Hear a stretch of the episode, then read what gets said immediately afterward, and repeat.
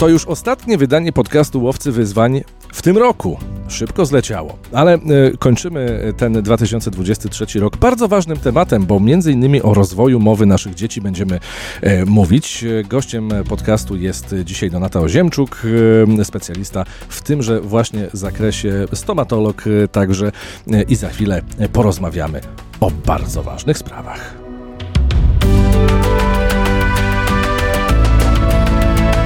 Łowcy wyzwań. Podcast dla tych, którzy się ich nie boją. Dzień dobry wieczór. Dzień dobry. E, stomatolog, dobrze przedstawiłem, tak? tak? Dobrze, bo to dobrze, wszystko, stomatolog. wszystko, stomatolog. Się, wszystko się zgadza, e, bo właśnie w obrębie e, naszej jamy ustnej, znaczy może niekoniecznie naszych, ale to takiej hipotetycznej jamy ustnej będziemy się dzisiaj poruszać. Dziękuję za przyjęcie zaproszenia. E, skąd w ogóle ta droga życiowa? Nie, moment, bo zapomniałbym, zapomniałbym znowu. Znowu bym zapomniał, ostatnio zapomniałem zapytać o ostatnie zrealizowane wyzwanie. To na początek każdy dostaje. Już tak się rozpędziłem, chciałem do tej jamy ustnej wskakiwać, okay. że e, co było ostatnim twoim zrealizowanym wyzwaniem? Prywatnym, zawodowym, małym, Myślę, dużym? Myślę, że zawodowym, takim dużym to napisanie z Moniką Owsianowską, neurologopedą, e, książki. E, znaczy, napisałyśmy kilka e, pozycji, ale taka najbardziej, z której jesteśmy dumne i była dużym wyzwaniem, to książka Nowe spojrzenie na wędzidełko języka i właśnie teraz ta książka już idzie do druku w, w drugim rozszerzonym wydaniu i nad tym drugim rozszerzonym wydaniem bardzo intensywnie ostatnio pracowałyśmy. Czyli to jest taki y, zawodowy, coś, co można powiedzieć, że, że wywróci rynek wędzidełek w, naszym kraju? To trudno nogami. powiedzieć. Trochę już, y, bo pierwsze wydanie zostało wydane w sierpniu 2022 roku, więc już troszeczkę faktycznie wywróciło y, trochę ten świat y, wędzidełkowy, aczkolwiek no, różne są zdania na ten temat. No, jak, jak to wiadomo, w nauce jedni się zgadzają, inni Dokładnie. się nie zgadzają, a życie i tak później pokaże, kto miał rację, prawda? Dokładnie. E, czekamy zatem na drugie wydanie e, tejże książki. Skąd właśnie ta droga twoja zawodowa? Dlaczego taką akurat sobie wybrałaś? To jest dobre pytanie, bo e, myślę, że każdy młody człowiek, jak wybiera drogę zawodową, to nie bardzo jest świadomy tego, co wybiera. E, generalnie wiedziałam, że będę e, czymś, kimś związanym z medycyną, ale nie bardzo wiedziałam jeszcze, kim jeszcze w liceum, aczkolwiek zdecydowałam, że będzie e, to stomatologia. Myślę, że tak nie do końca świadomie, bo nie mam żadnego stomatologa w rodzinie, absolutnie taka jestem e, pierwsza. Ale ani, lekarze byli. Ani pół, ani pół lekarza. Ani pół lekarza. Więc też nie miałam tej świadomości. E, aczkolwiek właśnie ostatnio dochodziłam e, do różnych e, swoich e, marzeń z przeszłości i przypomniało mi się, że marzyłam o tym, żeby zostać położną. Natomiast z racji tego, że dostałam się i na stomatologię, i na położnictwo, to padło na to, że no jednak będę tym lekarzem stomatologiem. Pewnie gdybym się nie dostała za pierwszym razem, to bym była dzisiaj położną. Tak myślę, nie wiem. No i zawsze czułam, że ta stomatologia nie do końca jest taka zupełnie moja.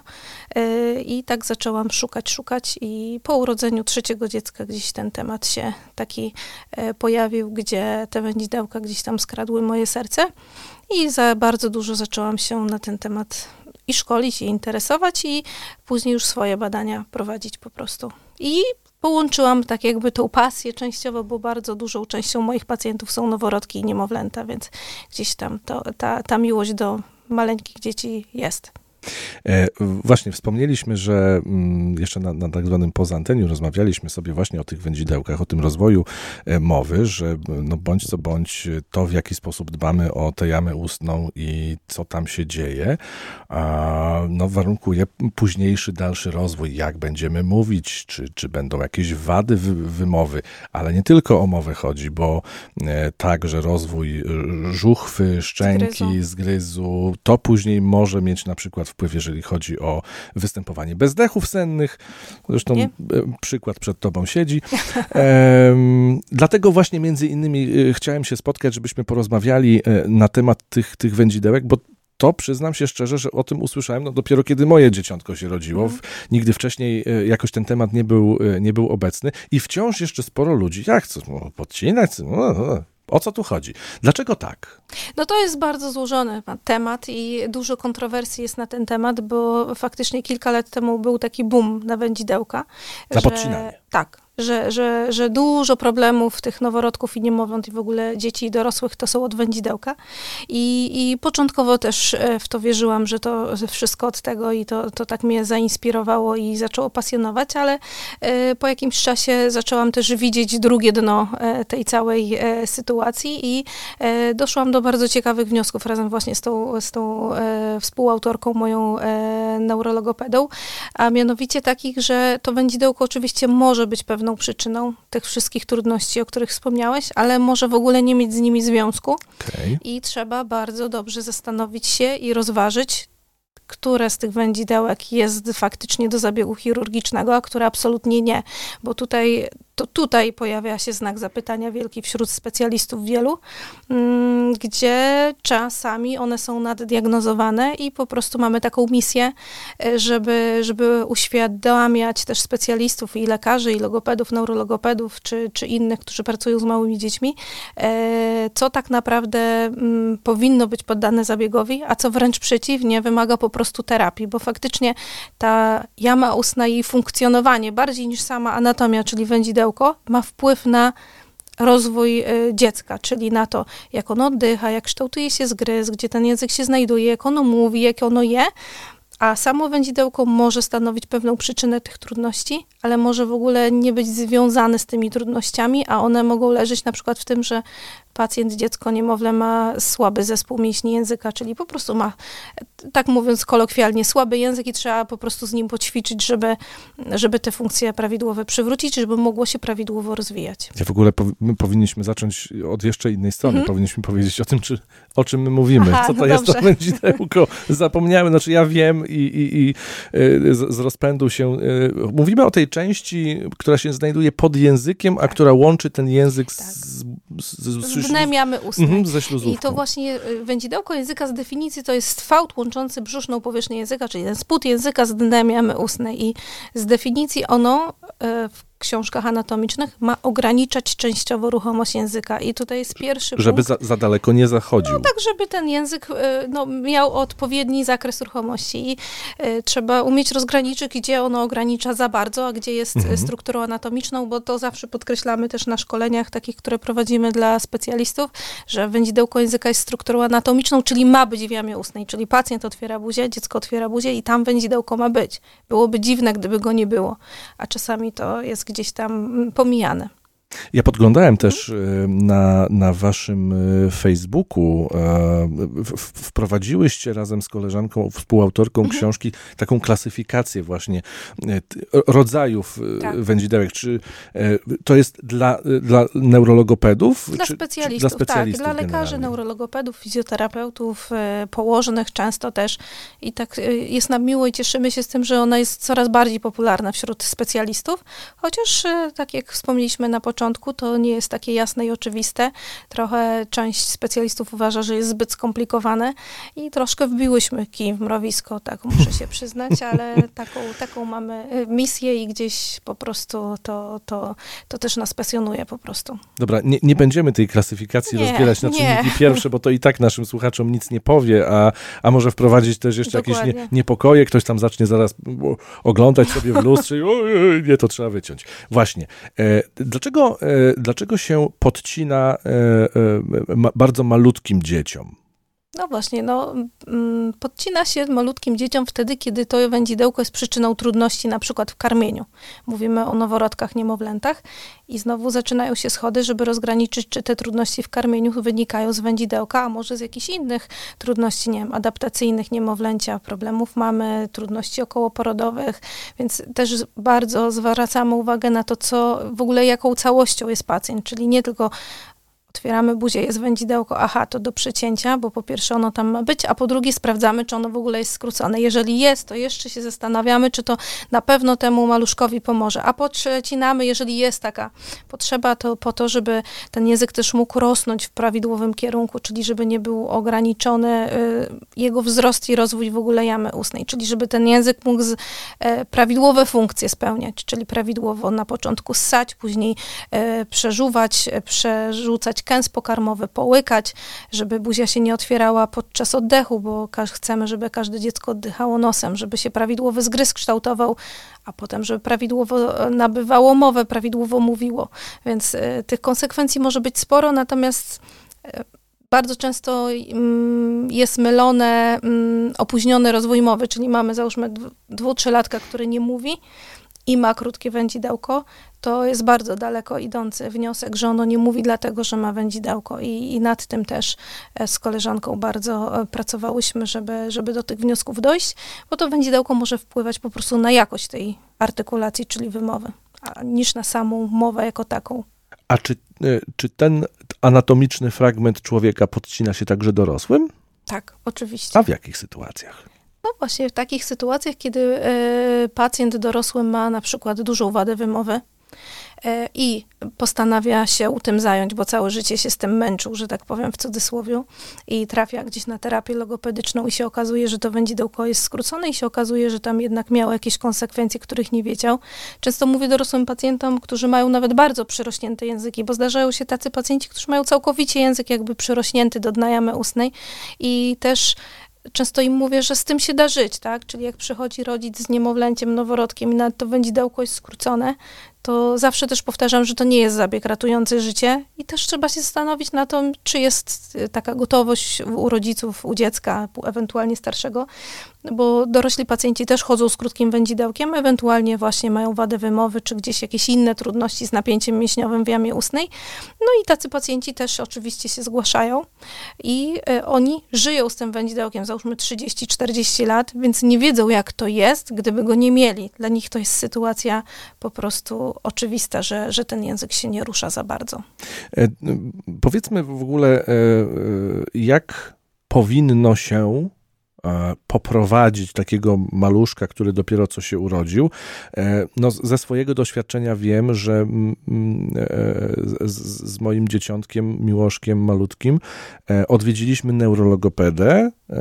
Zaraz po, po narodzinach żeby po prostu zdiagnozować i zobaczyć, czy to tak powinno wyglądać? Zwykle, zwykle tak. Zwykle to jest tak, że jak rodzi się maleństwo, to e, Często jest tak, że na oddziale już e, w szpitalu położniczym jest też na oddziale neurologopeda, doradca laktacyjny, fizjoterapeuta, też ta opieka okołoporodowa naprawdę jest, zwłaszcza u nas w Zielonej Górze, na bardzo wysokim poziomie. I często jest tak, że to dziecko jest już diagnozowane w szpitalu.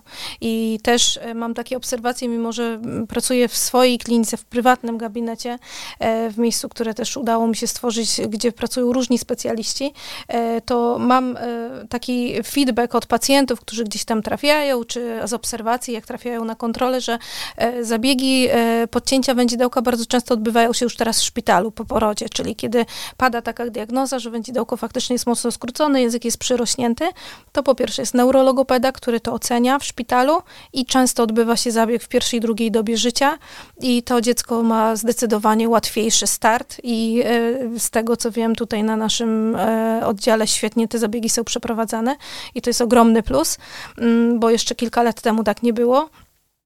E, a y, po prostu zwykle jest tak, że jeżeli nawet w szpitalu nie ma trudności, czy akurat dziecko nie było zdiagnozowane przez tych specjalistów, to rodzic sam szuka pomocy. Często położna doradza, żeby jednak wybrać się do takiego specjalisty, żeby to sprawdzić. I zwykle to neurologopeda też ocenia właśnie, jak ten język pracuje, czy są jakieś trudności i wysyła e, ewentualnie do lekarza na konsultację i ewentualny zabieg wtedy, jeżeli, jeżeli widzi taką potrzebę. Jak taki zabieg wygląda? Mhm. To, to też zależy od wieku pacjenta. Jeżeli mówimy o noworodkach i niemowlętach, no to jest super krótki zabieg, bo to jest dosłownie minutka. Polega na tym, że niemowlę ma albo zmrażaną, albo znieczulaną takim sprayem błonę śluzową, żeby go nie bolało, bo jednak jest to struktura wbrew mitom unerwiona i unaczyniona.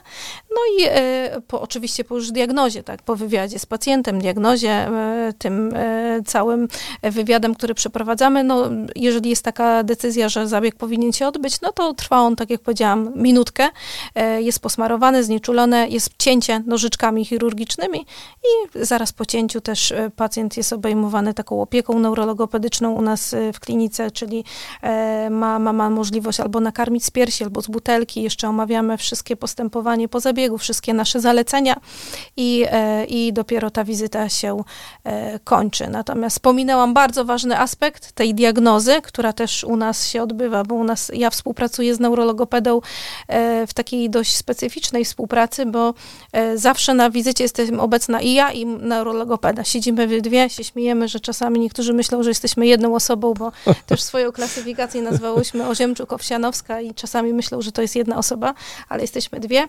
I ten pacjent jest badany przeze mnie jako lekarza w kontekście anatomii, ale przez neurologopedę w kontekście pracy języka. I dopiero po takim szerokim badaniu e, często też wykonujemy fotografię, w zasadzie zawsze w jamie ustnej pacjenta, później pokazujemy rodzicowi też na monitorze, analizujemy tą sytuację, kiedy dziecko się już nie rusza, nie wierci, bo mamy zdjęcie, oceniamy w naszej klasyfikacji wędzidełko i dopiero pada decyzja o tym, czy ciąć, czy nie ciąć. A jak ciąć, czy na pewno to jest dobry moment, żeby to robić akurat w tym e, momencie. Okej. Okay. Czy to nie jest jakieś traumatyczne dla, dla dzieci? Uprzedzam takie pytanie tych, którzy są bardzo wrażliwi na krzywdę swojego dziecka i no, ból. Bywa, bywa y, traumatyczne, dlatego bardzo dużo mówimy też i piszemy o przygotowaniu do zabiegu. E, po pierwsze takim emocjonalnym rodziców, jeżeli mówimy o noworodkach niemowlętów, żeby ten rodzic był gotowy na to, że jednak tam będzie rana pod językiem, bo będzie i że to dziecko będzie początkowo trochę niespokojne w pierwszej dobie, a drugie na przygotowaniu też dziecka przez takie stymulacje wewnątrz jamy ustnej, czy w ogóle e, no, tych, tych przygotowań jest szereg, wszystko zależy od wieku i trudności pacjenta, bo są też takie sytuacje, że trzeba przeciąć szybko, na przykład po porodzie, bo język jest przyrośnięty, a dziecko nie może jeść, więc no, zawsze ważymy ryzyko i ko korzyści, czyli patrzymy na to, z czym dziecko sobie nie radzi i czy to jest pilna jego potrzeba, czy nie. Bo A znowu... jedzenie jest potrzebą Chyba tak, wiemy, że, że, że jedną z tych pilniejszych. E, jak wygląda, e, bo wspomniałeś też o tych, o tych ćwiczeniach, zaleceniach na po y, zabiegu, na tych, tych pozabiegowych. E, ja wiem, jak to wygląda, bo to przerabiałem, natomiast chciałem, żeby się powiedziała, jak właśnie, jakie są to, to ćwiczenia i dlaczego jest to tak istotne, żeby e, później e, je wykonywać. Mhm.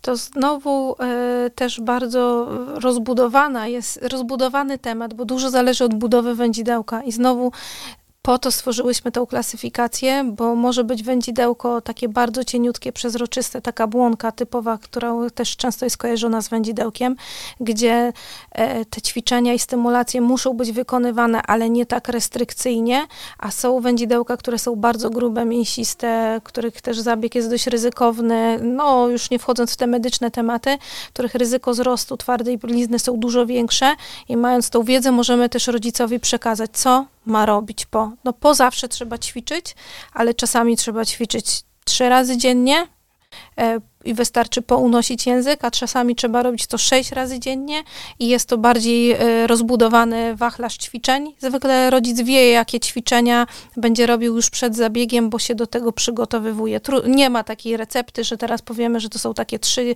albo cztery ćwiczenia, które się robi dwa, trzy razy dziennie. Także Kwestia indywidualna, dokładnie, do ale oceny. trzeba je robić. Hmm. Czym, a, czym może skutkować brak konsekwencji w takich ćwiczeniach? No właśnie powstaniem na przykład takiej twardej, nieelastycznej blizny, powstaniem wzrostu, powstaniem nieprawidłowej e, blizny, jakiejś bliznowca, nieprawidłowego gojenia. E, też jak się za dużo ćwiczy, to też jest to nieprawidłowe, dlatego też każdy nasz pacjent jest zapraszany na wizytę kontrolną po tygodniu od zabiegu, żeby ocenić, jak sobie rodzic radzi. Też staramy się być w kontakcie z rodzicem, który, który wykazuje, że ma pewną trudność, żeby też go wspomóc w tym. E, I no, konsekwencji może być mnóstwo, tak naprawdę, tak samo jak samego zabiegu powikłań może być mnóstwo, dlatego e, też pochopnie podjęta decyzja nie jest dobrą decyzją, bo ryzyko zabiegu medycznego, chirurgicznego zawsze no, jest. No i, że tak powiem, jest to czynność nieodwracalna. Dokładnie. Nie, nie da się tego przywrócić do ustawień fabrycznych. Chociaż powiem anegdotę, żeby już nie było teraz mm -hmm. tak smętnie dramatycznie. bo akurat w tym tygodniu przyszedł do nas chłopczyk, który miał z kolei taki dużo bardziej skomplikowany zabieg na wędzidełko, a chłopciec miał 8 lat i miał wycięte wędzidełko i zrobioną plastykę przestrzeni pod językiem, czyli czegoś takiego de facto się pozbyliśmy, miał założone szwy, on był bardzo dzielny, grzeczny, w ogóle świetnie mu poszło, przyszedł na wizytę kontrolną po tygodniu i już widziałam na poczekalni, że płacze i mówię, no nie wiem, wszystko było świetnie, generalnie był zadowolony po wizycie, na wizycie i pytamy się taty, jak wchodzi do gabinetu, co mu się stało, czemu on płacze. A on y, nam powiedział, że po prostu on by chciał, żeby mu przyszyć z powrotem to wędzidełko, Ajajaj. bo on czuje, że czegoś go pozbawiliśmy, a on y, tam coś miał, miał przyrośnięty język, a teraz on mu się rusza i go to denerwuje. Mm, No, no właśnie. No. Jak to wytłumaczyć? No i tak. A przeżyć się już nie da. przeżyć się już y, nie da. E, Ale to nie jest y, jedyny, e, jedyny obszar waszej działalności, bo jeżeli chodzi o rozwój mowy, e, to też macie coś do powiedzenia w tym, w, w tym temacie i właśnie w tej chwili sobie o tym powiemy. Łowcy wyzwań. Jako klinika także publikujecie książki. Tak. Czyli to nigdy nie spotkałem stomatologa dentysty, który Dentysty pisarza. Dentysty pisarza. pisarza. Chociaż te książki to są takie bardziej mniejsze, tak wo- mało tam e, pisanego jest. mniejsze wolumeny, bardziej obrazkowo i dźwiękowo chyba, tak? E, Cóż to za książki? Bo wiem, że jest seria takich, e, wydałyście, e, wydaliście w, e, serię takich czterech publikacji właśnie dla najmłodszych, Tak. w trosce o ich rozwój mowy. Tak, jest to seria książeczek Słyszę, dotykam, ćwiczę, mówię. To są książeczki dedykowane dla dzieci od 9 miesiąca życia, tak, do czwartego roku życia, które mają wspierać rozwój ich mowy. I e, to, ta, ta seria powstała głównie e, z wiedzy neurologopedy właśnie Moniki Owsianowskiej, z którą pracuję e, i razem, razem poczyniłyśmy takie, takie wyzwanie właśnie, że, że postanowiłyśmy coś, coś przyjemnego dla dzieci zrobić. I to są książeczki, które mają stymulować rozwój mowy. Ja jako stomatolog x lat temu, e, czy jeszcze na studiach, to w ogóle nie, nie miałam pojęcia o rozwoju mowy, bo nie jest to dziedzina w ogóle stomatologii. E, I dużo się ciekawych rzeczy dowiedziałam i tak e, połączyłyśmy nasze twórcze energie i powstała właśnie taka seria. I jak się okazuje, ten rozwój mowy to nie jest tylko powtarzanie jakichś słów, czy właśnie ruchomość języka, ale te ośrodki mowy są bardzo związane na przykład, czego ja nie wiedziałam, nie wiem, czy ty będziesz wiedział, z precyzyjnymi ruchami rąk, bo ośrodki mowy w mózgu znajdują się w bardzo bliskim sąsiedztwie ośrodków mowy i dlatego właśnie, jak dziecko ma opóźniony rozwój mowy, chodzi do logopedy, czy trafia na diagnozę do logopedy, bardzo często w ogóle ten logopeda nie zaczyna od tego, że to dziecko ma tam powtarzać Tylko cokolwiek. E, tylko ma e, lepić ciastoliny, ma się bawić piaskiem, ma dotykać paluszkiem, ma e, różne takie ćwiczenia na koordynację wykonywać, ma tworzyć sekwencje, czyli rozwija zupełnie te zdolności komunikacyjne, prewerbalne najpierw. I, e, I to jest właśnie na przykład książeczka Dotykam, gdzie ona się składa z takich stron, gdzie dziecko ma dotykać określonych e, zwykle kropek, bo jest to książka o kropkach, ma dotykać kropek i koordynować tą swoją pracę, a dzięki temu też e, po prostu pobudza swoje ośrodki e, mowy w mózgu.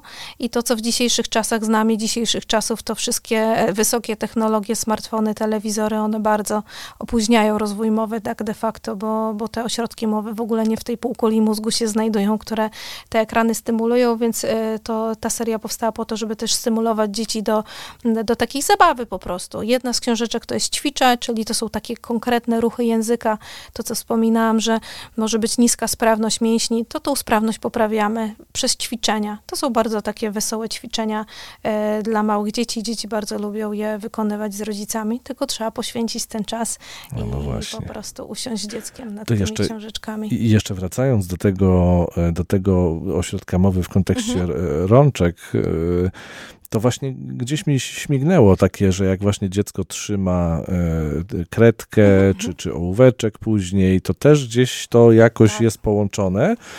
E, A z drugiej strony jeszcze taka anegdotka, że no niby tutaj e, wiadomo, że, że pi- piloty, telewizory tam opóźniają mowę, ale te malutkie łapeczki, jak mają wcisnąć Tak. guziczek, żeby włączyć, to W idealnie. smartfonie to tak, tak, to tam znajdą idealnie. No to prawda. Idealnie trafiają. E, jeszcze tak, było tak. Jak tytuły? Słyszę. Słyszę. To jeszcze nie mówiłam. Słyszę, to jest o wyrażeniach dźwiękonaśladowczych. Mhm. Często dzieci pierwsze słowa, jakie wypowiadają, oprócz tam mama, tata, to jest tak, na przykład hał, hał, miał, miał i to też są już e, pierwsze słowa. To akurat nie jest o zwierzętach, to są po prostu o takich czynnościach życiowych. Tam są bohaterowie dzieci, które coś upadło, mówią bach, e, plum, plum. Tam są określenia, co to dziecko miałoby zrobić. Są takie zadania dla dziecka i wskazówki dla rodzica, jak z tą książeczką się bawić. To jest słyszę, dotykam, już mówiłam, ćwiczę, mówiłam i jest mówię Mhm. na końcu e, tego szeregu. I tam są e, takie pierwsze sylaby i samogłoski, bo dziecko zaczyna też mówić od samogłosek, gdzie na obrazkach, rysunkach dzieci są przedstawione ich buzie, tak żeby dzieci mogły naśladować te miny, jak to tą buzię trzeba otworzyć, żeby powiedzieć ładnie A i e, inne, inne sylaby i Mamy też taki, takie informacje od naszych małych pacjentów, że bardzo, bardzo lubią bawić się z naszymi książeczkami. Czy te zabawy powinny się odbywać w jakiejś właśnie sekwencji po kolei? Niekoniecznie. po prostu jak tam podejdzie? Tak, najczęściej dziecko samo tam gdzieś wybiera jedno, bardziej lubi taką książeczkę, inne drugą, ale fajnie, jeżeli one są w serii e, używane e, regularnie, to wtedy faktycznie można zobaczyć efekty w tym rozwoju mowy.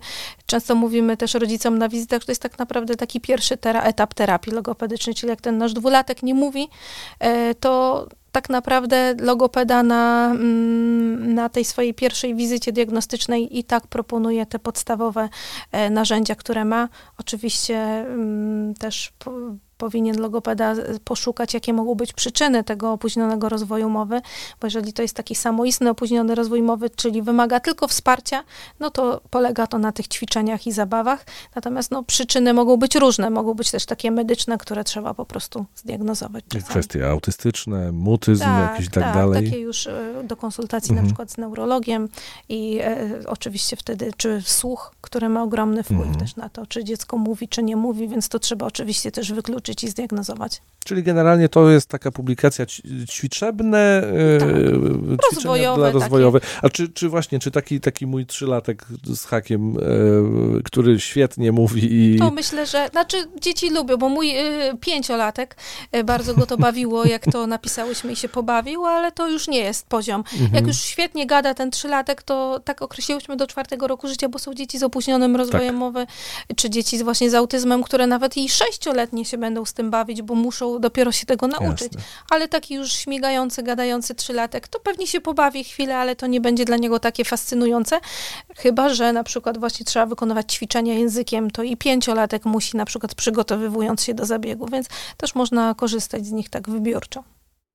Jak powstawały te książki? Właśnie w, to, w, w konsultacji z neurologopedą? No tak, my razem tutaj e, na Ca- podstawie, tak, we dwie razem, na podstawie i wiedzy też i doświadczenia, Okej. i studiów, i, e, i takiej wspólnej pracy. A gdzie te książki można znaleźć? Te książki można znaleźć na stronie internetowej naszego sklepu e, www.oziemczuk.pl, a w ogóle cała nasza klinika ma stronę www.oziemczukklinik przez litery c.pl, gdzie, gdzie też są nasi specjaliści, bo też pracuje u nas zespół specjalistów i fizjoterapeuta, i doradca laktacyjny, i stomatolog, i higienistka, i logopeda, neurologopeda, e, gdzie pracujemy w zespole i wspieramy rozwój dzieci tak e, fizycznie, jak, jak do nas przyjdą, ale też właśnie są te publikacje, które e, można zakupić, czy szkolenia też dla, dla lekarzy, czy, czy innych specjalistów zajmujących się tą tematyką.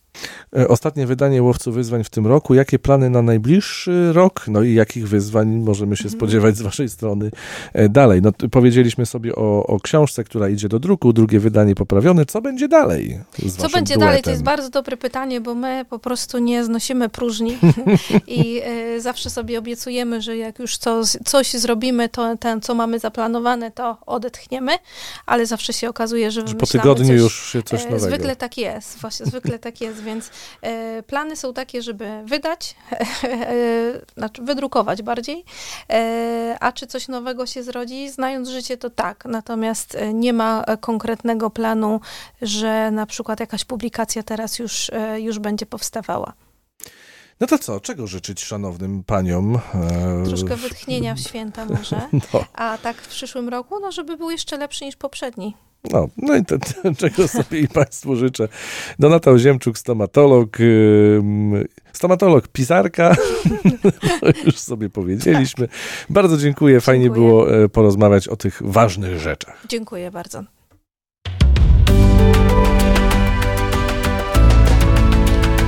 Łowcy wyzwań. Podcast dla tych, którzy się ich nie boją. No to w nowym 2024 już roku życzę wspaniałych e, e, wyzwań. Niech ten rok owocuje e, w, właśnie w takie fajne, mniejsze bądź większe wyzwania. Paweł Ptaszyński, dziękuję bardzo. Zapraszam do zasubskrybowania łowców wyzwań w mediach społecznościowych, a także zostawienie pozytywnej oceny.